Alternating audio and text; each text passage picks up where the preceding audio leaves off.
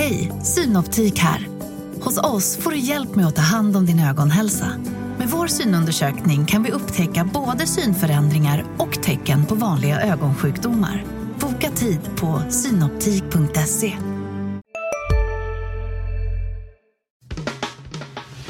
Analyspodden från Dagens Industri. Och välkommen till Analyspodden, Dagens Industris podd om börsen och allting spännande som händer på marknaden. Idag är det jag, Agneta Jönsson och min kollega Mikael Olsson som är på plats i studion. Vad tycker du vi ska prata om idag Mikael? Mm. Ja, men vi kan ju sammanfatta lite vad som har hänt under veckan. Det har ju funnits en hel del nyheter, framförallt på, på makrofronten. Ehm, sen har vi med oss ett par case, ett par tre stycken, som vi tänkte att vi skulle diskutera. Och så blir det lite framåtblickande såklart. Ja, jag tycker det låter bra eh, och som vanligt så är det fredag och klockan är nästan tio här och eh, idag har vi lite avvaktande marknad. Börsen är runt noll. I veckan är det upp 1 procent ungefär. OMX-index står i 2127 och det är ner 12 procent i år. Så vet ni vad vi vet nu. Den här veckan började ju lite dramatiskt med nya oroligheter i Kina här för covid-19 med protester för de som inte vill att det ska bli nya lackar samtidigt som då smittspridningen ökar och man har till och med ett par dödsfall. Eh, vad har du för tankar runt det där? Eh, nej, men det kändes ju väldigt eh, dramatiskt där när man såg eh, klipp på, på, sociala medier nu under helgen och sådär. Eh, Ehm, men sen så har det ju lugnat ner sig under veckan. Det har ju inte alls varit samma snackis som det var bara för några dagar sedan. Och ehm, regeringen har väl försökt kommunicera lite sådär att ehm, de framåt början av nästa år kanske kommer att försöka lugna ner lite grann med sin väldigt stränga covid-policy. Och jag tror att marknaden har tagit fasta på det här som, som någonting positivt faktiskt. Um, men sen är det klart att om det här skulle blossa upp igen eller bli ett, ett, eh, större problem, då, då Eh, kommer det tippa över i den negativa vågskålen. Men inför den här partikongressen var det vad som vi hade för någon månad sedan så var ju mångas förhoppning att det efteråt skulle börja lätta och det ser ut som att det kommer nu. Um, så. Um, annars har, har det varit diskussioner också om att det skulle vara efter kinesiska nyåret. Uh, så det, det är väl på gång. Men det ligger ändå i närhet och det är lite positivt att man kommer att uh, hoppas nu att man får igenom det där, för det behövs ju verkligen. Det påverkar ju oss alla, för de här lockdownen ställer ju till det otroligt mycket med produktionen och sådant också, där det är hela områden och fabriker som har behövt stänga ner. Så det vore en lättnad om vi kunde lägga det till handlingarna. Så är det verkligen. Sen hade vi också lite negativa nyheter från Asien vad det gällde H&M där man då skrev i media här att H&M's klädfabrik i Bangladesh släpper ut förorenat vatten. Eh, och det är ju ett problem och en ganska dålig nyhet, men trots det föll aktien bara 2 procent. Så lite tecken kanske att det här börjar bottna ur lite. Det är naturligtvis en ESG-fråga och det får man titta på också när det gäller H&M. Men även andra områden inom handel har faktiskt haft det lite bättre i veckan. Vi har ju Boost som fick en, kom med en rapport här eh, på tisdagen eh, där de höjde sin egen eh, prognos och Eh, aktien steg 12,5 procent. Man tror då på att omsättningen och eh, lönsamheten når det övre delen av intervallet för 2022 som är 10 till 15 procents försäljningstillväxt och en justerad rörelsemarginal på 235 till 285 miljoner kronor. Och de slår också försäljningsrekord eh, på Black Friday då häromveckan. Och det är klart aktien är ner 40 procent i år, men nu steg den 12,5. Det är stora rörelser på de här nyheterna nu. Så, så är det onekligen och Boost är faktiskt, jag tror att den är närmare dubblerad från någon slags botten under sommaren, så den har ju gått, gått väldigt starkt. Och det där spelar ju också lite in i det här makrotemat där man har eh, sett en, en svagare konsument och det, det här med att Riksbanken och andra centralbanker stramar åt, att det då ska påverka konsumenterna. Eh, och det har det väl gjort, men vilken fördröjning där i det här är väldigt svårt att säga om och marknaden försöker ju såklart prisa in det här, men, men eh, det är ingen lätt uppgift för, för någon. Så eh, kanske har man varit för hård mot, mot e-handlarna. Det, det, det återstår att se. Ja. Eller så är det bara en större fördröjning. Nej, och det kan ju vara lite det att det blir den här pendeln slår hårt åt båda hållen, att det gick upp lite för mycket under pandemin och nu har man gått ner lite för mycket. Mm. trots allt så är det en bra underliggande tillväxt i många av de här bolagen. Men just som du säger så, så, har det varit väldigt stora rörelser åt båda håll och det får man kanske ha med sig i den här marknaden att eh, det går både fort uppåt och, och neråt. Så, så det, det, är väl bara någonting att ha i åtanke när man väljer positionsstorlek och sådär i sitt sparande och allokerande. Det är ett klokt råd. En annan man som satte stora rörelser på börsen här, det var ju Fed-ordföranden Jeremy Powell i onsdags som höll tal. Egentligen sa han ingenting nytt jämfört med novembermötet, men däremot så var kontentan här också kanske att storleken på höjningarna kan avta. Eh, istället för att höja med 75 punkter som de har gjort de senaste fyra gångerna så tror man nu att det kanske blir en 50 punkter. Däremot kan slutpunkten då bli högre än vad de runt 4,6 procent som man tidigare liksom har hintat om. Så att man kanske får se att räntetoppen hamnar någonstans runt 5 procent under våren. Men marknaden gillade det här i alla fall och handlade upp eh, S&P 500 med 3,5 procent och Nasdaq gick ju upp ännu mer. Har du några tankar runt det? Mm, ja, det, eh, det, har jag väl. Det var, det var en väldigt häftig reaktion får man säga, givet att han kanske inte sa eh, så mycket nytt. Men jag tror att många har gått runt och väntat på att den här eh, ska man säga det, pivot eller den här tydliga förändringen att okay, men nu börjar vi lugna ner oss. Den, att den ska komma och det här kanske var den tydligaste punkten hittills när de har kommunicerat det. Så rörelsen var väl kanske inte överdriven men nu börjar man ju nästan fundera på okay, men vad är nästa steg som, som man ska hoppas på för centralbankerna. Eh, och det är ju såklart väldigt tekniskt det här med att liksom börja spela eller försöka investera utifrån vad man tror de kommer säga och vad marknaden har prisat in. Det, det, det här är ju inga lätta frågor att svara på. Eh, tycker du att eh, det var en, en, rimlig uppgång eller tycker du att man kanske ska ta och börja minska sin exponering mot, mot aktier nu? Har du några ta sådana tankar? Jag tycker ändå att det är lite mer optimism i marknaden nu och som sagt det är flera signaler på det här att man ser att man reagerar mindre dåligt på dåliga nyheter och lite mer positivt på positiva här. Så att Händer inget oförutsett så tror jag kanske som jag sa tidigare lite mer sidledes på storbolagsindex, men att man börjar titta på att köpa lite mindre bolag också när det kommer nya grejer. Sen för, tror jag vi ska säga lite kort om den andra statistiken också. Vi brukar inte ha så mycket i den här podden, men just nu i brist på bolagsnyheter är det rätt viktigt. En sån där grej som många tittar på det är det där med inköpschefsindex för industrin. För när man tror att den bottnar så brukar det också vara en signal kanske på att börja vända runt för verkstadsbolagen. Och där säger man ju att siffror över 50 tyder på tillväxt i ekonomin och under är då avtagande.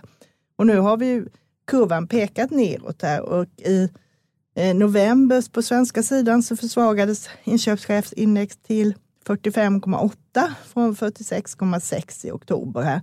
Och det är fjärde månaden i rad som man nu är under den här 50 nivån här. Så lite till kan det nog falla. Men sen är det viktigt att hålla koll på vändningen här.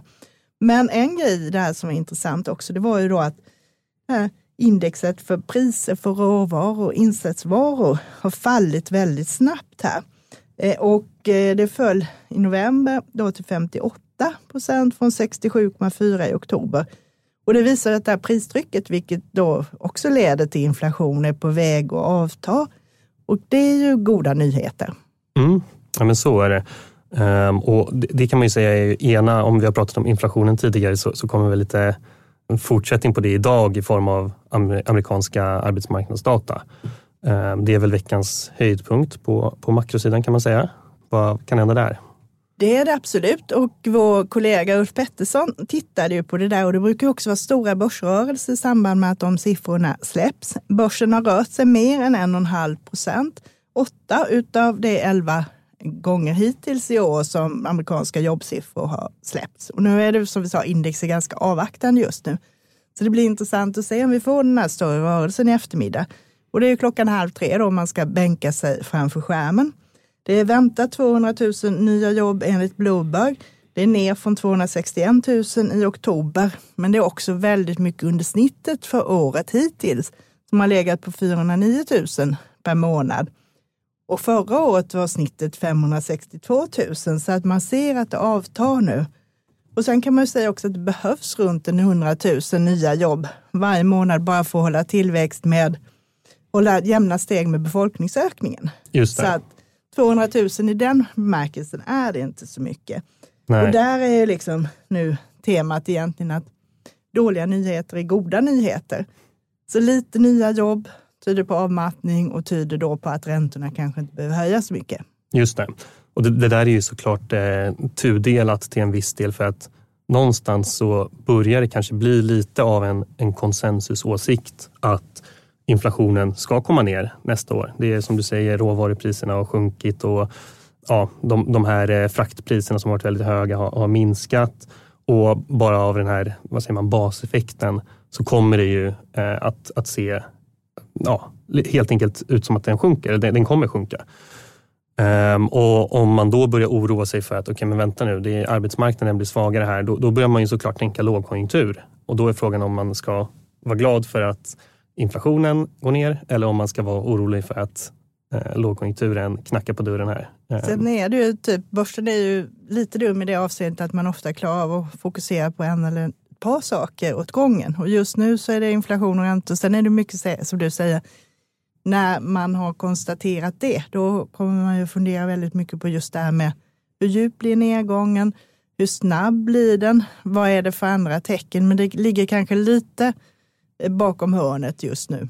Så är det och bara den starka dollarn här kommer ju göra att eh, fjärde kvartalet, åtminstone på verkstadssidan, kommer se väldigt bra ut troligtvis.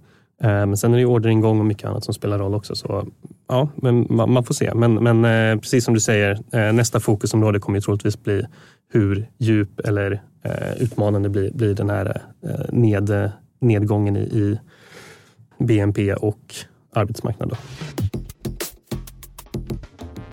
du tillhör ju precis som Ulf den här modiga skaran som ställde upp med en portfölj i vår den här tävling, en drömportföljen som vi har på sajten. Just det. Eh, och eh, där kunde jag se att du åkte på lite stryk i Africa Oil i veckan. Vad var det som hände där? Ja, nej men jag, jag, det har ju varit en, en eh, ja, det har varit en katastroftävling för mig får man säga. Nu eh, väntades det för någon vecka sedan lite borrresultat för Africa Energy och Africa Oil. Africa Oil är då största ägaren i Africa Energy, men det här är två separata noterade bolag. Och jag hade placerat en ganska stor del i det här eh, bolaget för att jag, ja, det, det, var vad ska man säga, ett eh, bett på att de skulle kunna få, få till det. Eh, nu hittade de inga, eh, ingen olja där och eh, aktien föll 40 procent. Och jag hade placerat en, ja, i princip halva portföljen på det här bettet. Då. Så den föll 11 procent. Så det var ju ingen hejare och det går lite i linje med min, eh, min övriga rapportspekulation här som jag hållit på med tidigare också som har varit eh, katastrofdålig i ärlighetens namn. Så, så det, den här tävlingen har inte gått så bra men eh, det känns helt, ja, det är väl okej okay, får man säga. Ehm, det kan inte funka varje gång. Nej, det är ju så och det är ju lite på skoj också. Köpte du några nya grejer? Eh, ja, jag, jag, har haft lite hälsovårdsbolag här under, eh, ja, till och från under tävlingen. Så jag, jag har placerat mig lite grann i, i det, lite småbolag. Mm, jag köpte lite Hexatronic. Jag tyckte att eh, den här eh, rörelsen ner när ledningen sålde kanske var lite överdriven. Det är ju en, en högt värderad aktie, men fundamentalt så går det väldigt bra också. Så där har jag också placerat en del av ja, de här låtsaspengarna helt enkelt. Men det låter spännande. Vi håller tummarna nu då att det blir lite bättre drag i dem då. Ja, det gör vi verkligen. Sen eh, tycker jag vi går över det där lite på casen och eh, då har jag eh, ett case med mig här som handlar om våra sällskapsdjur. Eh, det var ju en väldigt populär trend här under pandemin när jättemånga skaffade hundar och katter när man var hemma och jobbade. Och det har faktiskt pågått ganska länge. Den här trenden i världen att man ser djuren mer som familjemedlemmar, man är måna om dem, man köper bättre prylar, man ger dem bättre vård. Eh, och det gör ju att också bolag som är inriktade på djurläkemedel och djurmedicin och djurhälsa också gick väldigt bra. Och vi fick ett nytt sådant bolag på börsen förra sommaren. Det är ett bolag som heter Vimian eh, som då jobbar globalt. De har fyra verksamhetsområden. Det är veterinärmedicin, Och det är medicinteknik och veterinärtjänster och diagnostik. Och då är de första då medicin och teknik som är de största, tyngsta delarna omsättningsmässigt med 44 respektive 36 procent. Eh, Hej, Ulf Kristersson här. På många sätt är det en mörk tid vi lever i. Men nu tar vi ett stort steg för att göra Sverige till en tryggare och säkrare plats. Sverige är nu medlem i Nato. En för alla, alla för en. Vi är specialister på det vi gör, precis som du. Därför försäkrar vi på Swedea bara småföretag, som ditt. För oss är små företag alltid större än stora och vår företagsförsäkring anpassar sig helt efter firmans förutsättningar. Gå in på swedea.se företag och jämför själv. Man har gjort väldigt många förvärv. Förra året så gjorde man 17 stycken förvärv, vilket gjorde då att man ökade omsättningen hela 143 procent. Men man växte även då 16,5 procent organiskt, vilket är starkt. Och eh, då omsatte de 1,8 miljarder. Och det gjorde, alla de här förvärven gjorde också att man har vuxit på den amerikanska eh, marknaden som nu då svarar för 47 procent av omsättningen, medan Europa står för en liten aningen lägre del här. Det här bolaget rapporterar i euro så att när man gör prognoser får man titta lite eh, på det också här. Men målet är då att de ska växa 30 procent per år, varav minst hälften organiskt. De köpte ytterligare 12 bolag i år eh, som då adderar en omsättning på 600 miljoner tillsammans. Och för att få ihop det här så har man då gjort en riktad nyemission här under hösten till huvudägaren Fidelio Capital som tog då runt miljarden av den här emissionen och då ökade sitt ägande från 54 till 58 procent. Just det. Det, det, får man ju verkligen se som, som positivt att de eh, är med och finansierar det här och minskar skuldsättningen. Och de tror ju på det här och jag, det känns som det är ett sunt case. Och ytterligare en pusselbit i det här är då att eh, Fidelio Capital i sin tur tog in runt 10 miljarder nu, eh, vilket de skrev om i veckan här från sina investerare då. Vilket tyder på att man kommer att fortsätta att göra investeringar.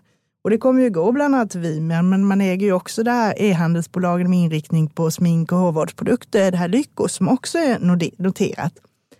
Så att det tyder på lite styrka.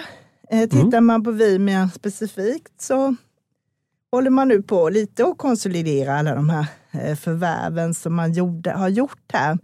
Men det ser ändå ut som de kan fortsätta växa här och öka vinsten under nästa år. Det som händer nu när man konsoliderar är att rörelsemarginalen kommer ner lite. I fjol var den 31 procent, nu tror man att det kommer ligga på 27 närmaste åren. Men du får ändå en bra vinsttillväxt. För bolaget som de vill här så kommer de nå en, en rörelseresultat före eh, nedskrivningar på 200 miljoner euro 2025. Det är typ 2,2 miljarder eh, kronor här. Och det gör att kursen har halverats i år gör ju också att värderingen blivit mycket mer attraktiv. Förra året så handlade det om liksom till 95 gånger vinsten och nu är du nere på 26 här. Och tittar du då på inom det som de har gjort och att de verkar vara duktiga på att förvärva och alltihopa det här så ser aktien intressant ut. Det är mm. som sagt, eh, så det tycker jag är på hela taget liksom en köpvärd eh, bolag inom det här området miljömedicin. Ja, eh, det känns verkligen som den typen av företag som kanske man, man har väl kanske sett till Swedencare som, som Stockholmsbörsens, eller börsens största husdjursbolag, men Vimian finns ju också där, så de ska man ju såklart hålla koll på. Och de är betydligt större i börsvärde nu. Här är 15 miljarder mot Vimian som ligger runt, eller mot Swedencast som har kommit ner runt 6. Just det. Ja, och där ehm, får jag säga bara då, skillnaden med de här Swedencare är också att de har inte riktigt på samma sätt samma starka huvudägare bakom sig. De har ett tyskt bolag som är inne i det som är intresserade av sådana med ingredienser och matgrejer och andra saker. Så att säga. Så att, eh, jag tycker där kanske man är lite osäkrare på vad som händer om det behövs kapitaltillskott. Ja, eh, och där, får man ju säga att det här stora Simrise då, som äger Swedencare, Eh, Swedencare är ett väldigt litet innehav för dem, medan för Fidelio så är väl Vimian ett, ett stort innehav då. Precis. Så det är lite olika fokus där kanske. Men du har också med dig ett case, har jag hört ryktet om här. Jajamensan. Eh, det är även det ett hälsovårdsbolag. Det är en, kanske inte en, en doldis längre, kanske man inte kan säga, men det är Camurus. Ehm, de eh, har ett preparat som heter Buvidal eller Brixadi i, i USA och det används för behandling av eh, opioidberoende. Eh, det här är ju tyvärr en, ja, deras kundgrupp är ju strukturellt växande och det här bolaget gick faktiskt med vinst för första gången under andra kvartalet i år och, och genererar starka kassaflöden. Ehm, de eh, använder dock de här kassaflödena idag för att eh, finansiera forskningsprojekt eh, och de ja, driver parallellt med den här försäljningen då flera olika forskningsprogram för sin plattform. Och företaget siktar som sagt in sig på att bli ledande för de här behandlingarna på ett antal marknader. och de hade en kapitalmarknadsdag tidigare i år, i höstas. Och där kommunicerade man att man skulle försöka femfaldiga intäkterna på fem år. Och man trodde att man skulle kunna nå en rörelsemarginal på 50 procent. Och enligt de här nya finansiella målen, då, om de lyckas uppnå dem, så kommer de omsätta drygt 4,5 miljard eh, 2027 och då ha ett rörelseresultat på 2,3. Och då ja, blir det väl typ fem gånger rörelseresultatet som de handlas till idag. Men det här är alltså 2027-siffror. Så om man tittar lite hur det ser ut idag så för 2022 så kommer de väl omsätta knappt en miljard och gå med mm, ja, pyttelite vinst eller nollresultat. Och bolaget värderas alltså till, har ett börsvärde på 15 miljarder och sen har de en, en nettokassa då som är förhållandevis liten. Um, men det man får, alltså, rent optiskt nu då så ser det ju väldigt dyrt ut. Um, så för att man ska kunna räkna hem det här så måste man titta ut flera år framåt. Däremot så är verksamheten väldigt stabil i grunden. Men givet nuvarande värderingen så har man inte prisat in att det ska dyka upp nya konkurrenter eller att man ska byta ut det här. Eh, men verksamheten växer kraftigt så det här verkar ju uppenbarligen vara ett väldigt, eh, en väldigt lyckad behandlingsmetod. Ehm, jag läste lite i deras årsredovisning tror jag var det framgick så kunde man se att de som behandlas med det här faktiskt tipsar andra personer som är i liknande situation om att eh, de borde pröva den här behandlingen.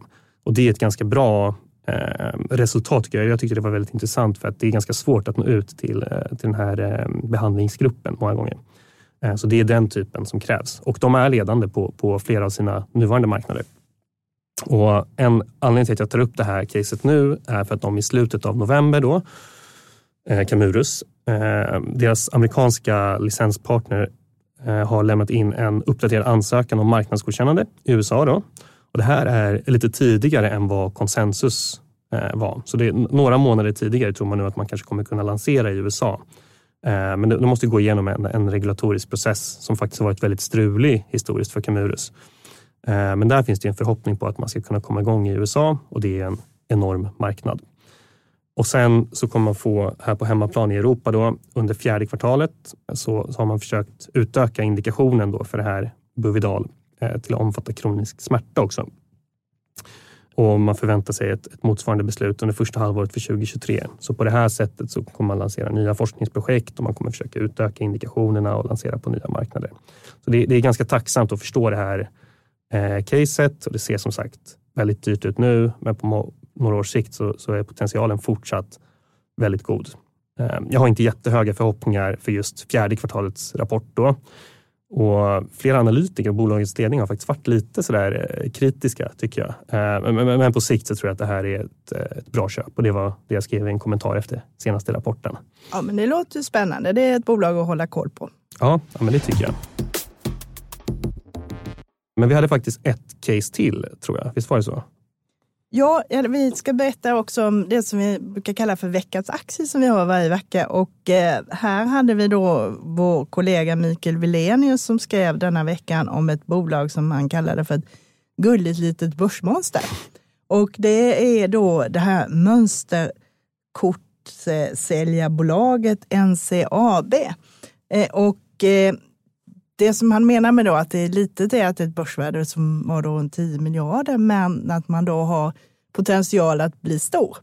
Mm. Och det är ett bolag här som, mönsterkort kan man väl säga då är, det är ett tryckkort där man då monterar olika elektroniska komponenter på det och sen blir det då ett kretskort när det är gjort som används då i mängder av prylar och de har ju då skräddarsydda sådana här till kunder inom industri som, och fordon och energi och flera olika områden.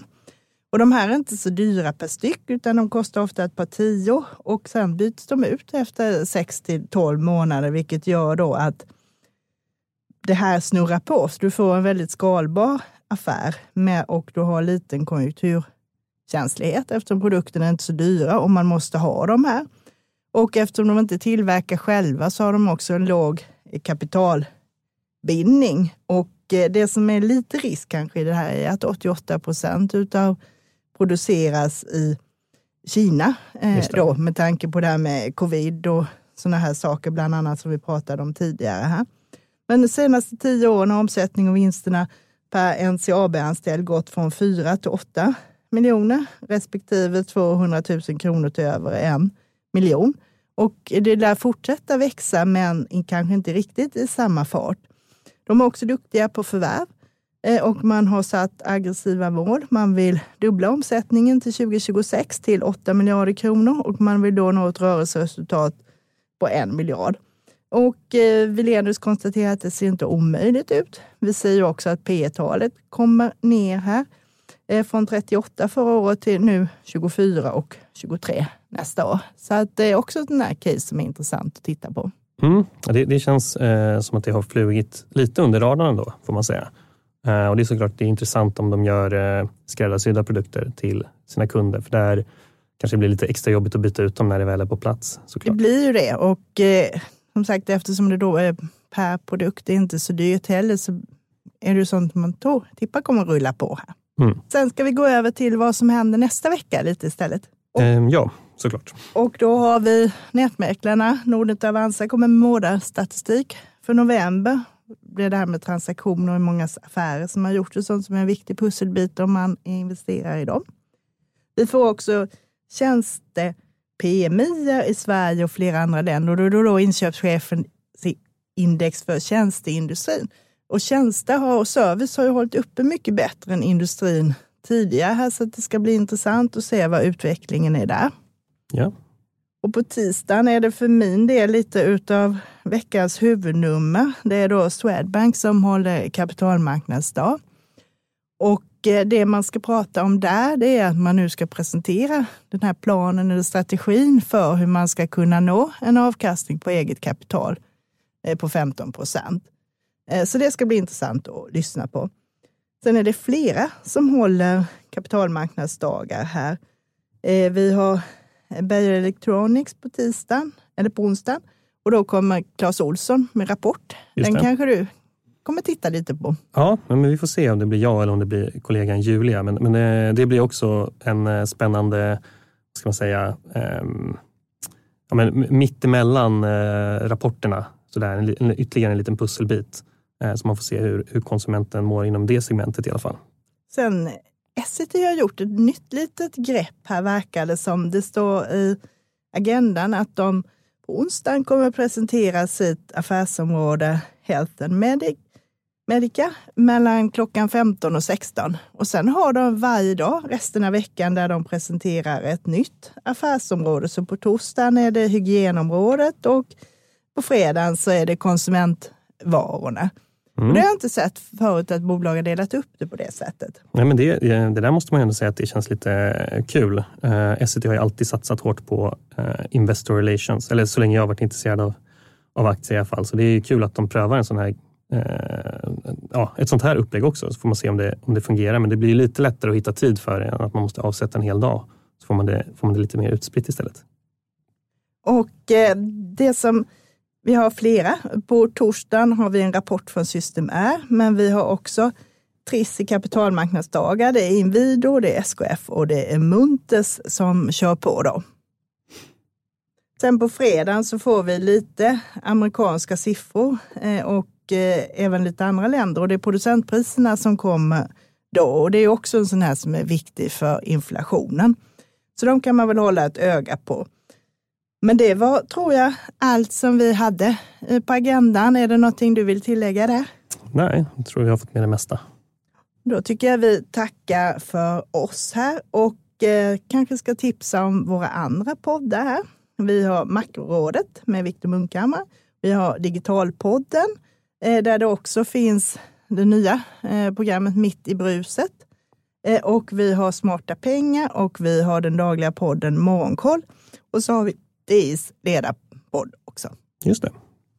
Men då återstår bara att säga tack för oss och önska trevlig helg. Ja, tack ska ni ha. Hej då! Analyspodden från Dagens Industri. Programmet redigerades av Umami Produktion. Ansvarig utgivare Peter Fellman.